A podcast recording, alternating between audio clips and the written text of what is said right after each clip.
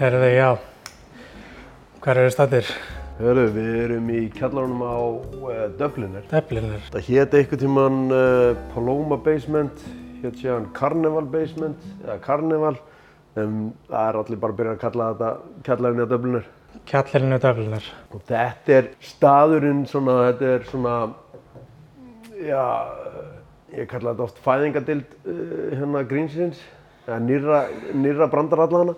Þetta er það sem ég hósta open mic, þar sem fólk kemur og prófa nýja, prófa nýja brandara eða reyna, einhvern veginn að fínpússa uh, gamla brandara sem hafa kannski ekki alveg virkað sko.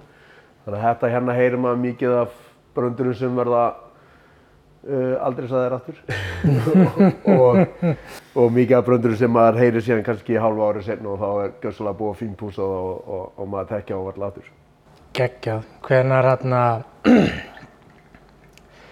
Hvenær varstu fyrst, hvenær sástu fyrst stand-up eða fattaður að væri til stand-up? Ég hef örgulega verið svona uh, 10-12 óra kannski, eitthvað henni og þá sé ég held ég, eða svona 10-12-13 óra, held ég ég sá stand-up fyrst. En ég held að ég byrja ekkert eitthvað svona að horfa á þetta eða leita þetta úti sko, þetta er náttúrulega áður en YouTube og allt byrjar. Þannig að þú þurftir basically að fara út á vídeolegu og vonast til þess að það væri eitthvað til sko. Eða eða einhver vinnuðinn sem nýkominn frá Ameríku eða eitthvað keft eitthvað spólu þar.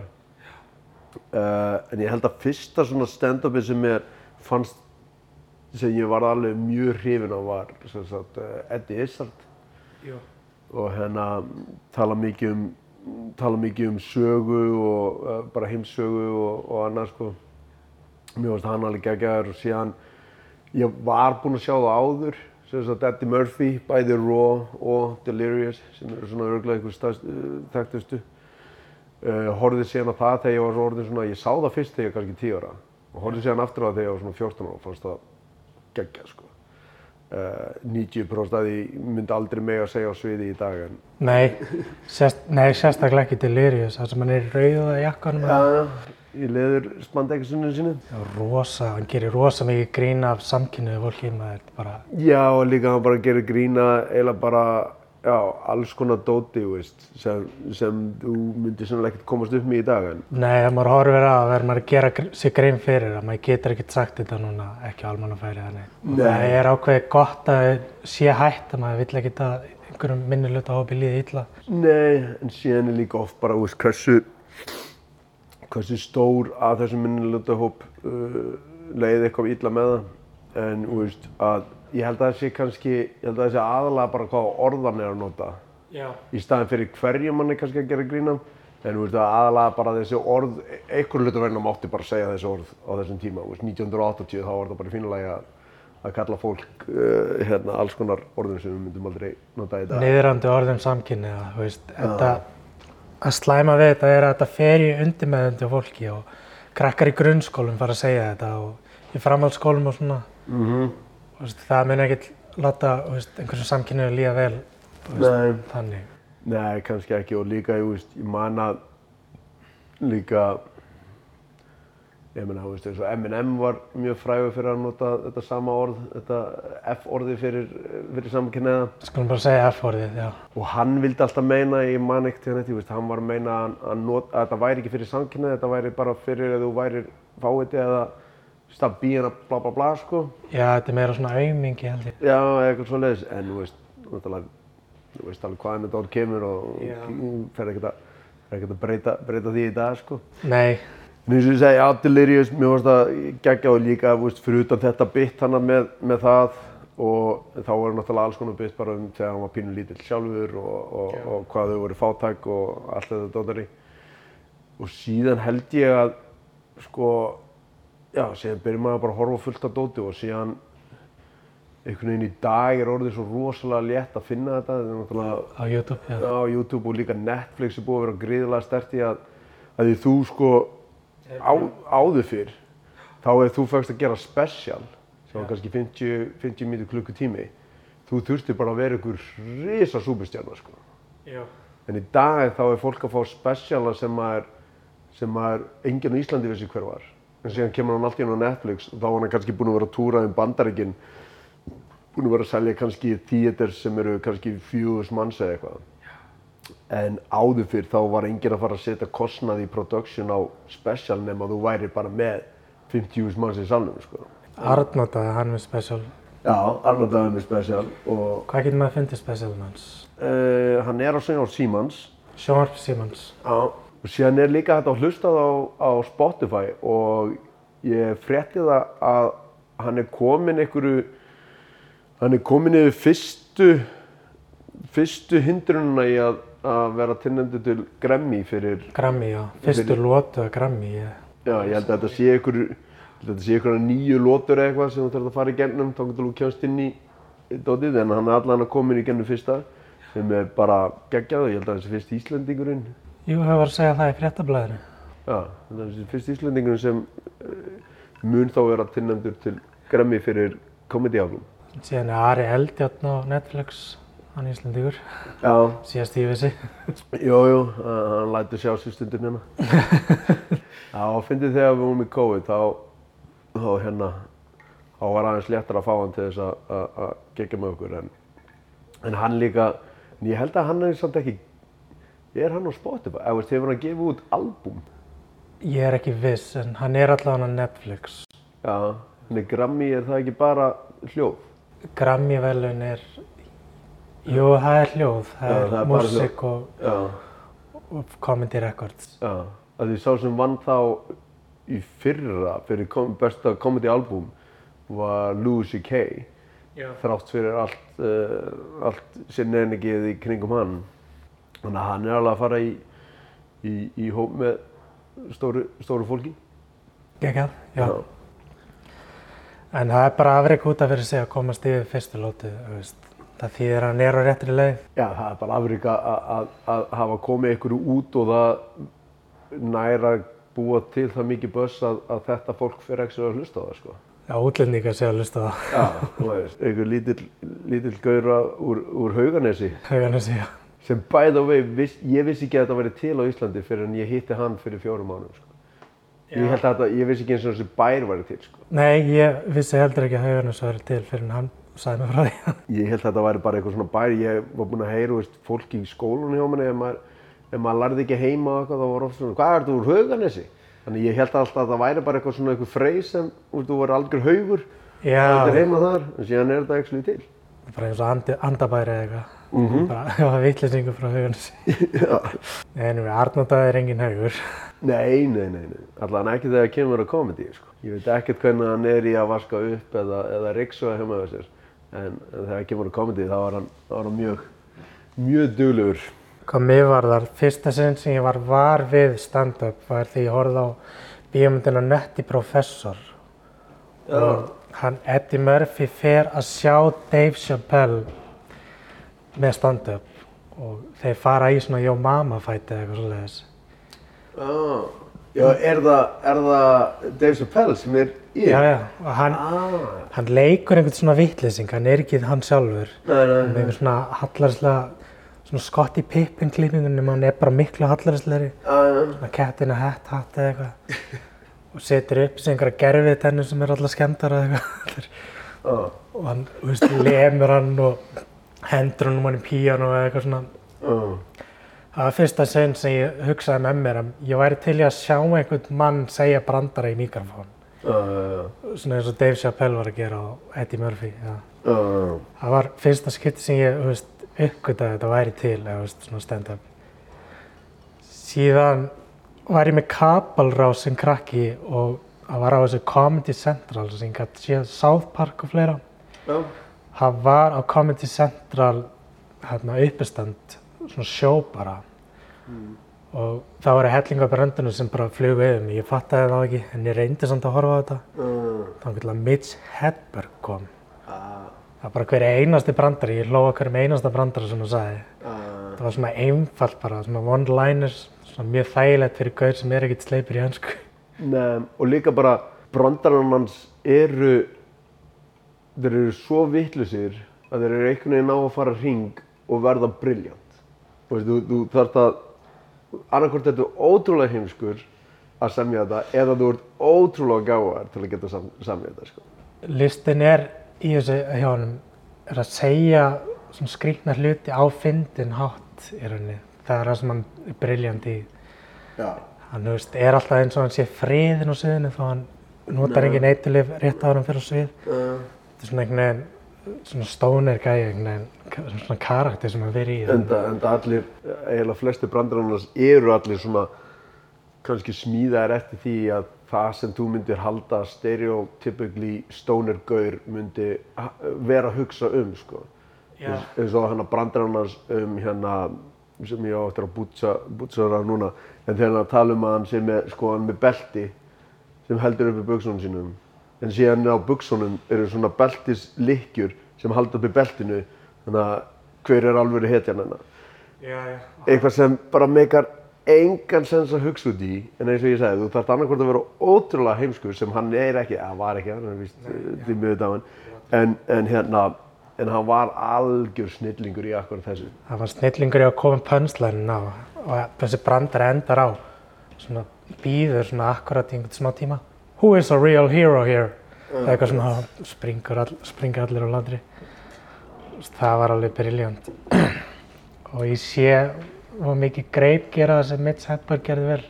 Já, hann talar um bara svona venjulega hluti og rosalega fyndin átt í rauninni. Já, á mjög fyndin hátt og, og greipur mjög góður í sko sérstaklega þú sér hann á íslensku. Nú veist, að gera íslensktemni þá er hann mjög góður í að, að, að taka að við eigum svo mörg orð sem þýða tvent.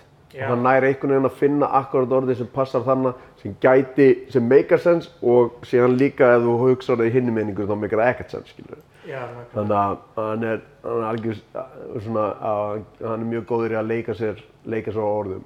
Ekkert smá. Ég teki podcastu hann áður þá er hann um að segja bara mjög svona stúpid heim hluti en pönslæni lendir rosalega vel.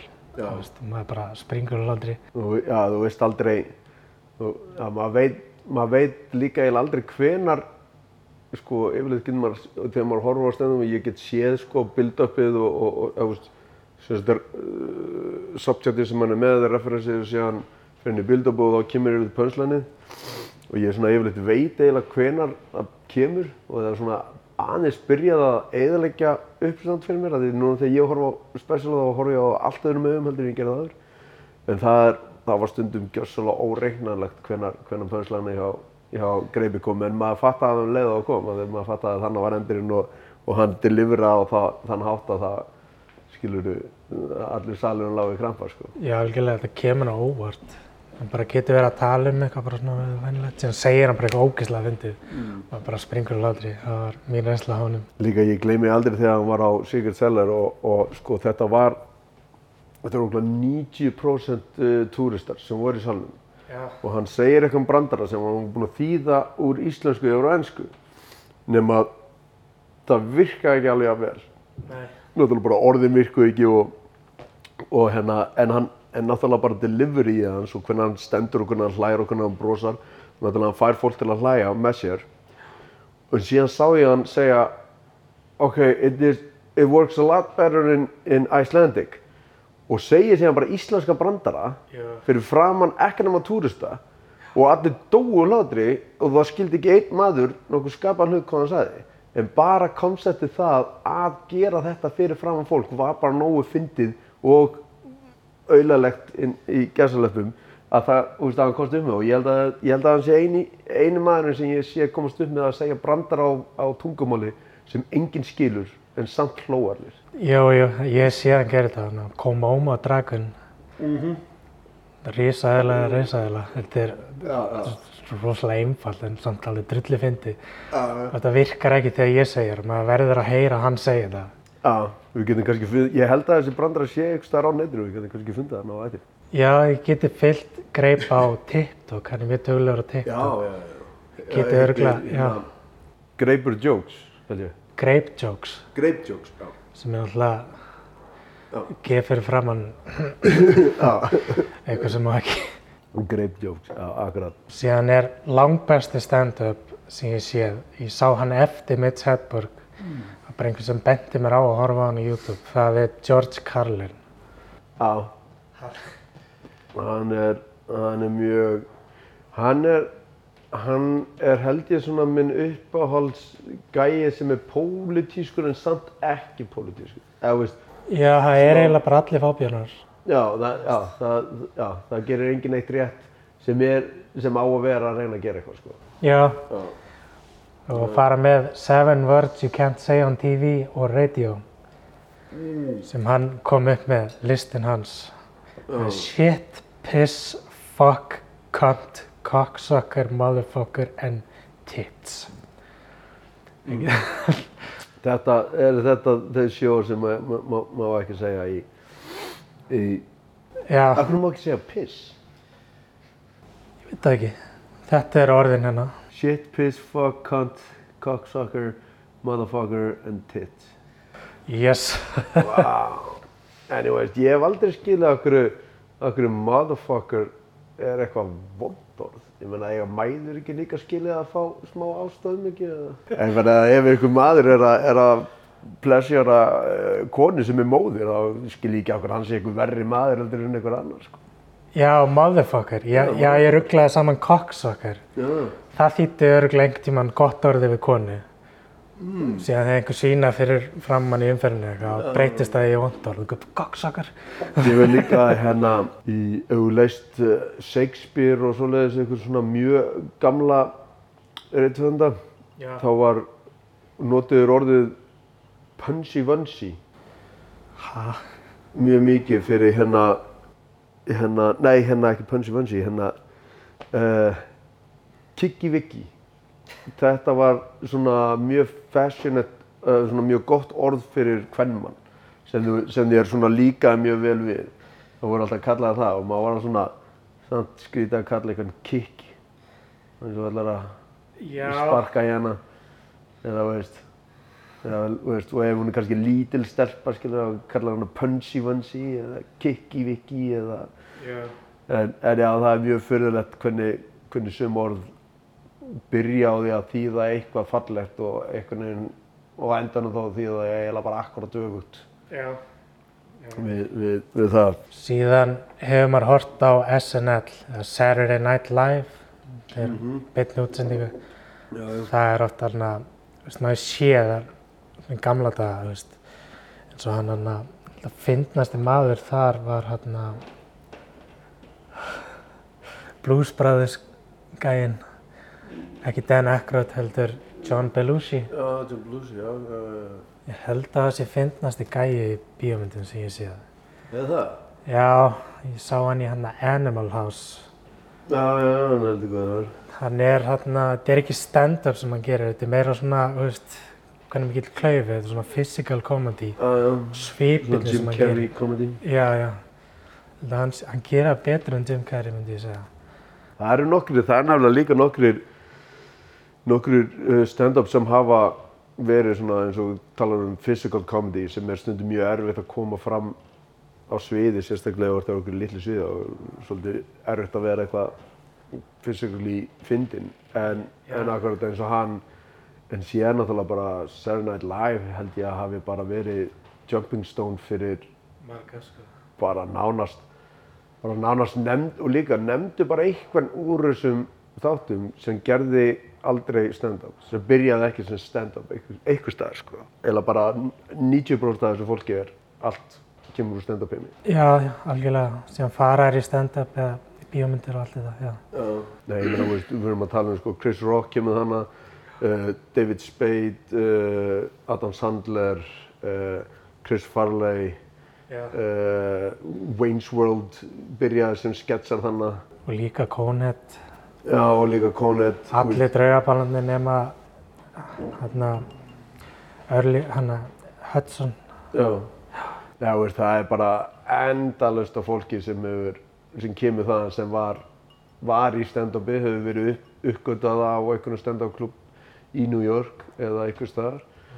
Þannig að það er alveg, og síðan líka bara allt þetta lið sem hefur, hérna, sem hefur hóstað þessa þætti. Þú veist, sem hafa verið í þessu og ég held að sástu ykkur tíman hérna þáttinn þegar Christopher Walken. uh, Christopher Walken Já, þegar hann var að hósta og tekur eitthvað fræg, eh, mjög frægan skett sem heitir Cowbell. Ég veit af þessu, ég hef ekki hort á þetta.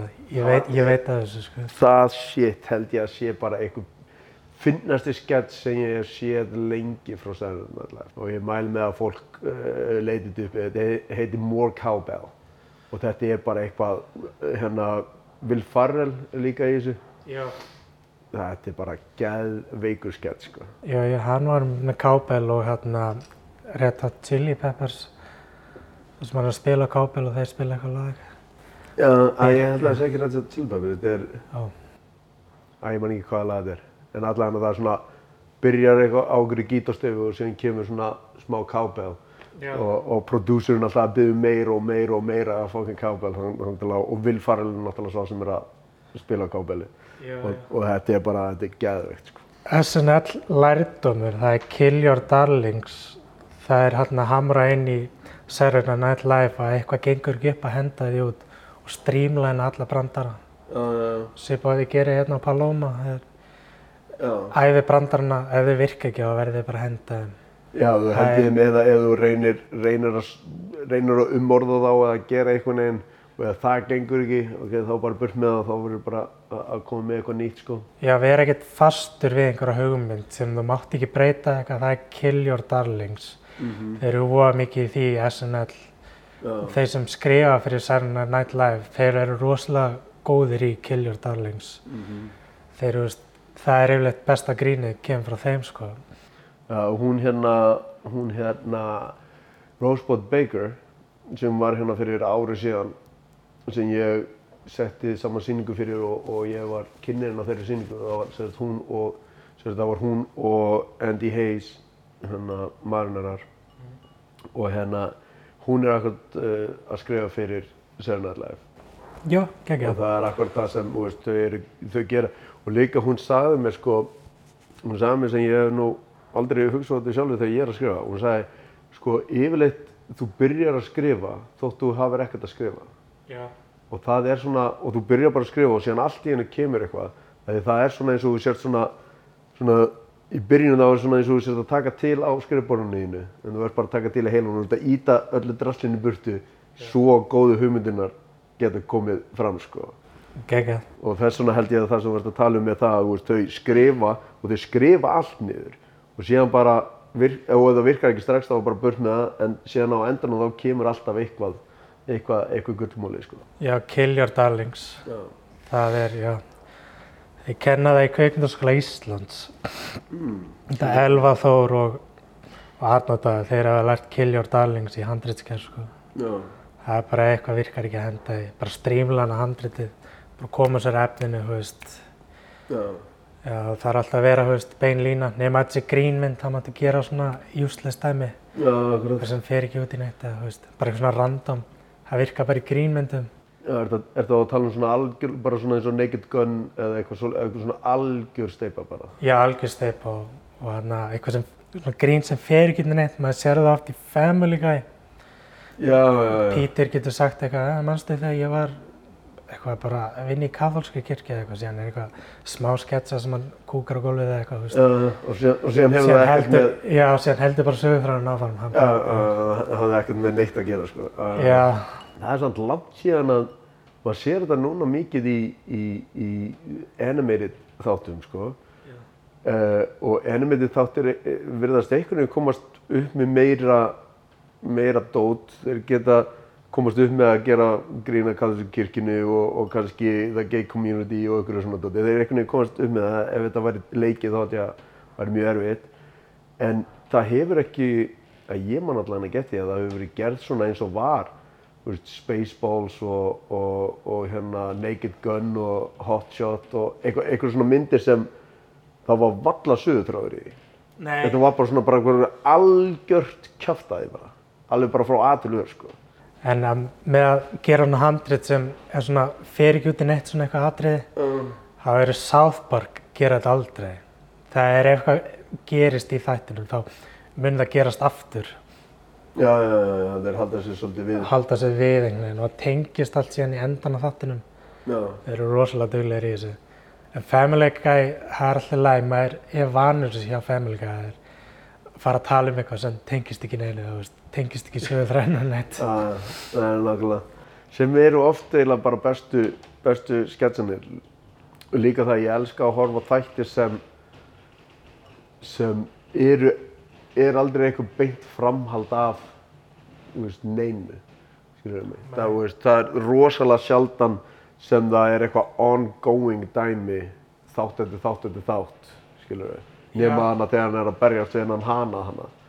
Það kemur, kemur svona inn á milli einhvern tímann og engin veit af hverju þetta byrjaði eða neitt, skilur. Þetta bara, þeir, og þeir alveg bara tegja þann brandara bara eins lengi og þeir geta, sko. Rick and Morty, það er hver einasti þáttur tengist næsta þætti. Já, Ef einhver deyr í Rick and Morty, þá er hann dauður í næsta þætti. já, já, Þannig að hann er lifnaði við eða er farið í aðra vitt og taka hann yfir eða eitthvað svona. já, akkurat. Svo maður verður að horfa á það og veist, alveg bara þátt eftir þátt eftir þátt. Já, En Family Guy, maður getur bara, þú veist, byrja, gert bara random einhvern þátt eða eitthvað, maður þarf ekkert, þú veist. já, og líka eins og með Simpson, veist, hvað, hvað, 24, 31 séri eða eitthvað, ég veit ekki hvað er komið mikið, þeir eru búin að vera að gera þetta í 20 ára eða meira. Ég ættir að tella sérnar.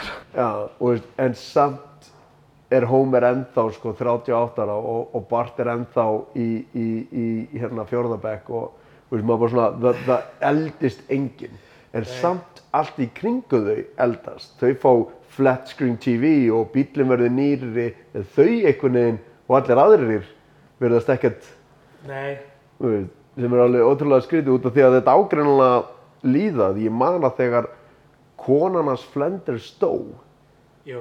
Og síðan var gert þáttir þar sem hann var að, að sagt, það var memorial fyrir hana þegar það voru fimm ár liðins frá hún dó. Og það er tekið fram að það séu fimm ár síðan hann misti konuna.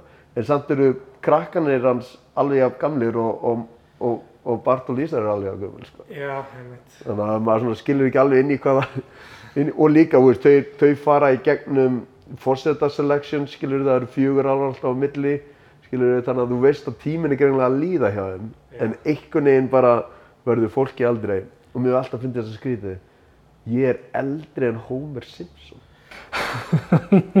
það er alveg maður held alltaf að þetta væri einhver eldgammal gaur en síðan er hann bara, ég held að hann næði vera 38 ára 38 ára, já.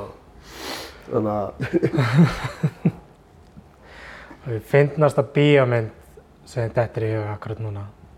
Bara, ó, þú segir bara akkurat núna í þessu mómenti, finnast að bíómynd sem hún séð.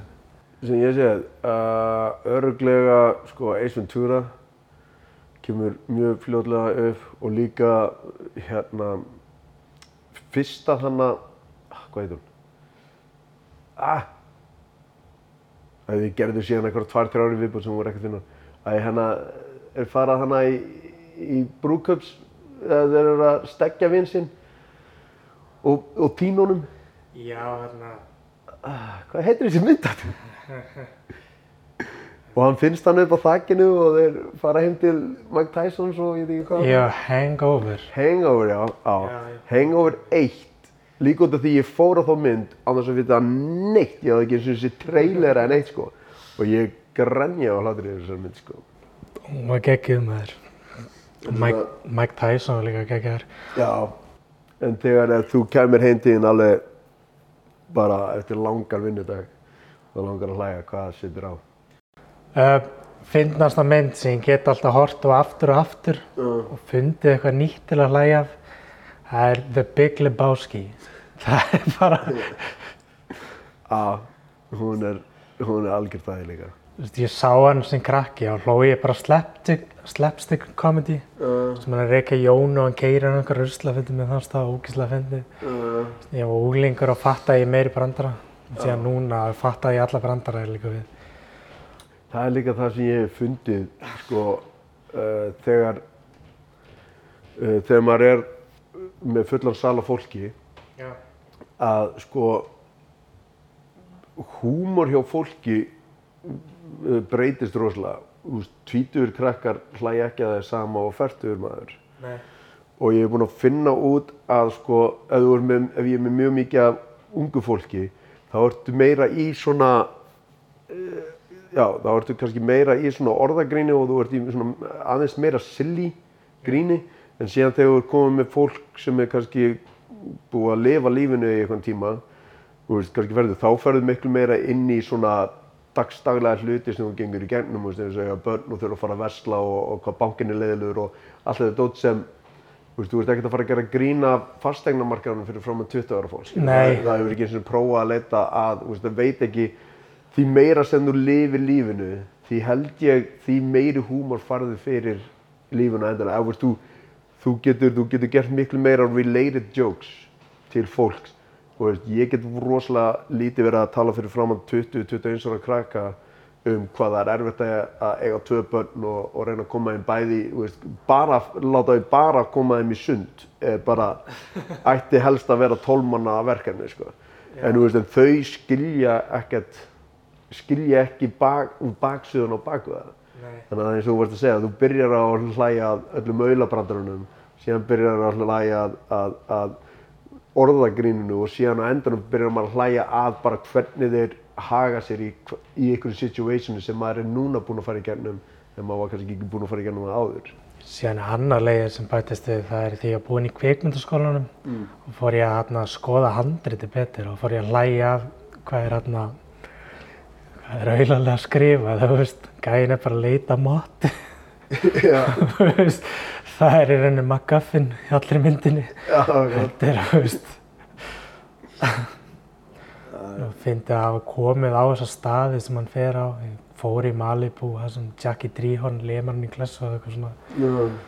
og veist, og sjá hann hvað hann er svona laid back og svona í einhverjum náttbuxum eða eitthvað í Malibu húsi, það er bara ógslag að finna að sjá hann þar. Það passar ekki alveg þetta. Já, og Jackie Drihorn í einhverjum einhverjum jakkafötum eða eitthvað löggan lemur hann síðan í klessu bara fyrir að passa ekki inn í Malibu. Síðan er alveg, það er samt eins og ég segi, það er langt síðan ég sá einhverja, einhverja mynd sem þú, veist, sem þú ferð alveg að hlæja, veist, upphátt af, þú veist, svona nýrri, nýrri gamanmyndir. Ég er ekki búinn að sjá einhverja sem þú hlarði eitthvað virkilega mikið upphátt. Þú veist, Hangover, Bridesmaids, eru tvær myndir sem koma svona, sem er frekar nýlegar en síðan ég er eiginlega ekkert, mér finnst líka einhvern veginn mér finnst líka einhvern veginn eins og húmurinn í Hollywood, hann fór svolítið vók uh, um tímabil og þegar hann fór svona í gennum þetta PC uh, era að það, svona, það drap ómikið af hluti sem hefði alveg mátt vera gerðir en allir voru óhrætti við að gera. Og síðan einhvern veginn erum við svona jafn okkur aftur á því hvernig hvað má og koma og ekki og, og við erum svona aðeins að verða betri. Og veist, ég var alveg sammála að það var kannski eins og, eins og við máum tala um veist, Eddie Murphy og Delirious þannig að, veist, en þegar, þegar þessi Vogue hreyfing kom og þetta PC kom það var svona pendullin fór eiginlega bara allt og langt sko. Og veist, hann hafði mátt færast en hann fór allt og allt og langt.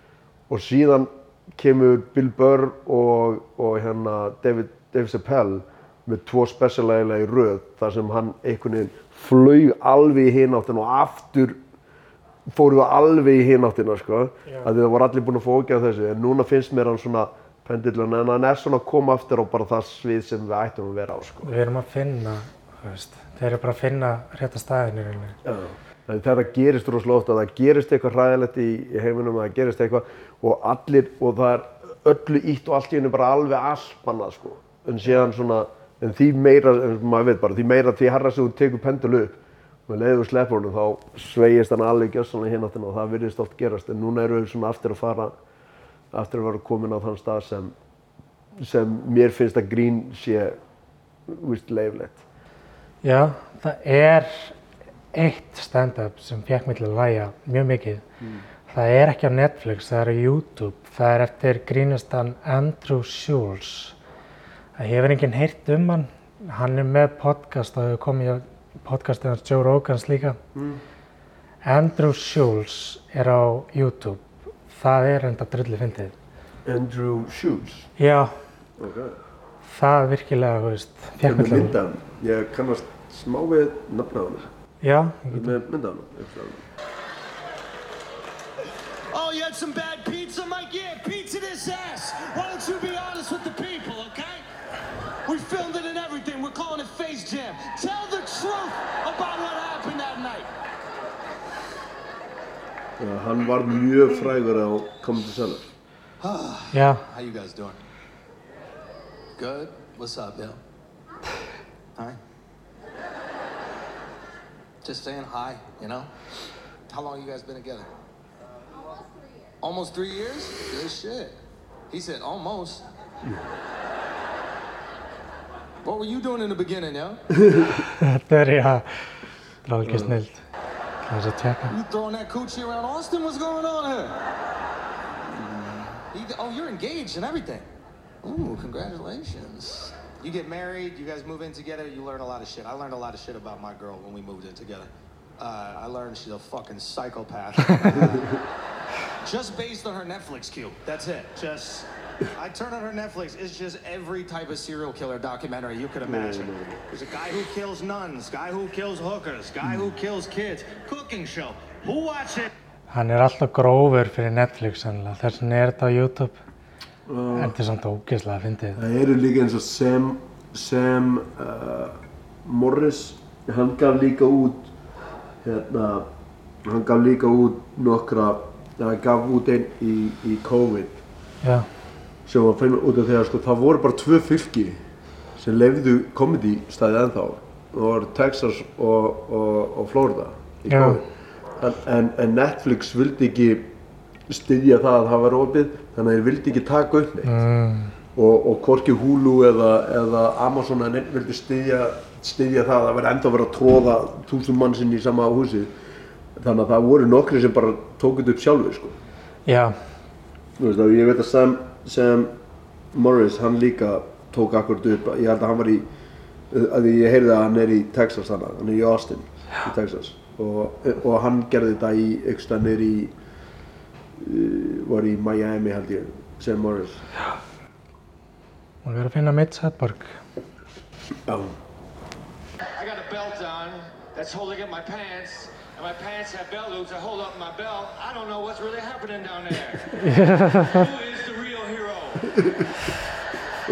Já, akkurat því Sko, þetta eru 14 sekundir sko. Já, vá, Bara einhver, bara, þetta er svo briljant þetta uh, Belt joke og brauðið I find that Duck's opinion of me is very much influenced over whether or not I have bread.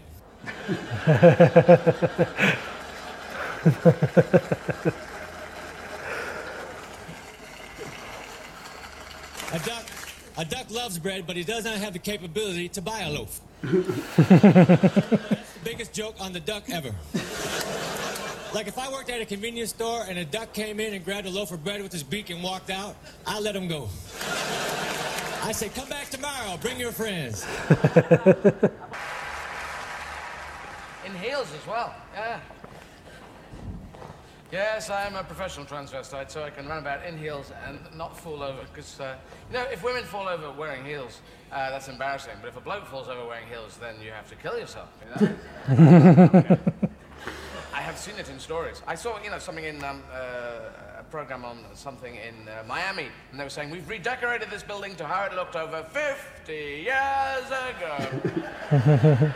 meðan ég man, þá er fyndnasti hvernmaður sem er uppistand, það er Lisa Lampan, Lampanelli, ja. Já, Lísa Lampanelli, Lisa Lampanelli. Hún kemst upp með að gera grína minnulitahofum.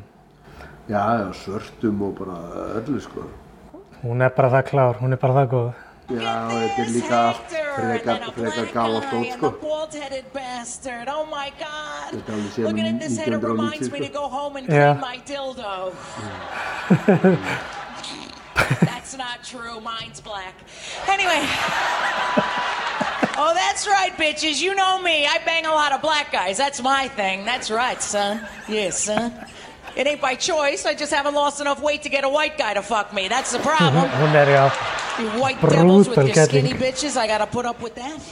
Þannig að Jessica Kirsten Jessica, vá, bara mesta Jessica Kirsten, ég hef aldrei heitt tala um hana út að kynna mig fyrir nýjum uppstandra. How are you? Does my hair look crazy? Like I feel it. I feel it. You know, you do you ever feel like, well, you're a guy, it's a little uncomfortable? What do you mean? Looking at it? Are you serious right now? I, I hope you are, because this is being taped and I do, I'm amazing at crowd work. So, are you being serious? I'd like different. What? Talk to me. If it were up to you, you'd like it different. Are you with a woman at the show right now? No? Are you with him? Are you gay, is what I'm trying to find out. You're not gay. You're married to who? A girl? With different hair. But you're commenting on my hair as a straight man that you would like it different. Are you sure you're comfortable in a relationship with a girl? Don't cut in right now. Be quiet. You can, and you're talking with your hands like this, saying, and you're talking over me with a little bit of a lisp. Let's get into this. What do you do for a living? Don't think about it. Answer me. Because you're you're very secure as a white man right now. Guys do this Ja, thing in cars, which is so Nej. disgusting. They actually think they'll get a woman to pull over and go on a date with them. I know some of you are smiling because you know what I'm talking about. And they actually think this will turn us on. It's amazing to me. What the fuck is that? What do these guys think we're gonna do? Be like, wow, he's hot. I'm gonna pull over. I finally found my soulmate on the road. Can you imagine if we did that to you guys? You would pull over in a second. You would crash into a fucking wall. Can you imagine if a woman was like, eh, eh, hi?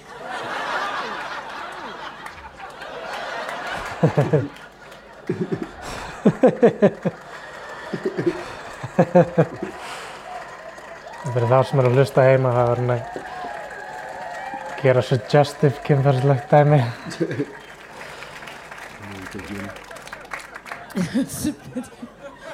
If you didn't just laugh at that, there's something wrong with you. Like that. that joke works out. You know who loved that joke? My grandmother. She's like, That in your ass joke is one of the funniest things I ever saw. you should do that on Nickelodeon. The first time I ever got drunk, I got very drunk, okay? I loved drinking. I got wasted. And I was like 15 years old, and my friends all came over, and it was during the day. It was like, this is totally true. so I'm like, I- you know, and I'm the class clown. I'm the one that's always trying to get people to laugh, and that, that's how I've been my whole life. So one of my friends, we, we went outside, and one of my friends like, I have to pee. I have to pee. And everyone's like, go outside. Go, go outside on the lawn. It'll be hilarious. So my friend pulls down her pants and pees on my mother's lawn. And we're all like, ah, there's pee. ah." So I'm like, I have to shit. I have to shit. Wow. This is a true story. I have to shit. And they're like, shit on the lawn. Shit. shit on your mother's lawn. And I'm like, wow, if this will get people to like me more, I am going to take a dump on my mother's lawn. I don't care. I am going to make it a really good one. Like, I'm going to make a J. I am going to commit.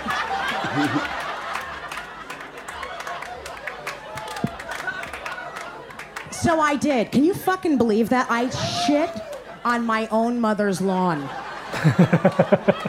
and the next day, I was so sick, out of my mind. I didn't go to school for like three days. I was so sick. And my mom walks in, and she, well, first she banged on the door and she's like, Jessica! Open the door! I'm like, oh my God, she found a beer bottle. She found a cap. I'm fucking dead. Like, this is horrible. And all of a sudden, I open the door and she's holding the dog by the collar. This is a true story. And she goes, I told you not to let the dog shit in front of the house. and she took us both out there and put the dog's nose in my shit. It was the most selfish thing I've ever done. I'll never forget the dog's face looking back at me like, what the fuck is going on?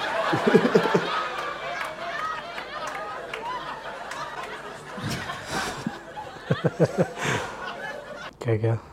Hún er, hún er geggjöð.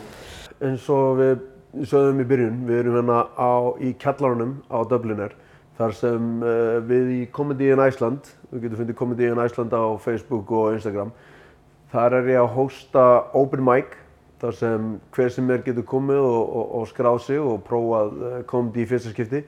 Eða þá er þetta að sjá reyndari comics að, hérna fínpúsa brandarana sína eða bara hreinlega búið til ný set. Og í bara síðustu viku þá var tveir nýjir sem ég hef aldrei séð sem uh, stóðu þessu mjög vel þannig að maður veit aldrei hverju, hver, á hverju hvers konar kvöldum maður lendir. Bara fylgist þið með inn á Comedy in Iceland og þá ætti ég að geta séð öll eventin sem við erum með pluss það þótt að hafa ekkert með okkar að gera þá er allt inn á Comedy in Iceland sem hefur eitthvað með grín að gera á Íslandi. Þannig að endilega kíkið á Comedy in Iceland á Facebook og Instagram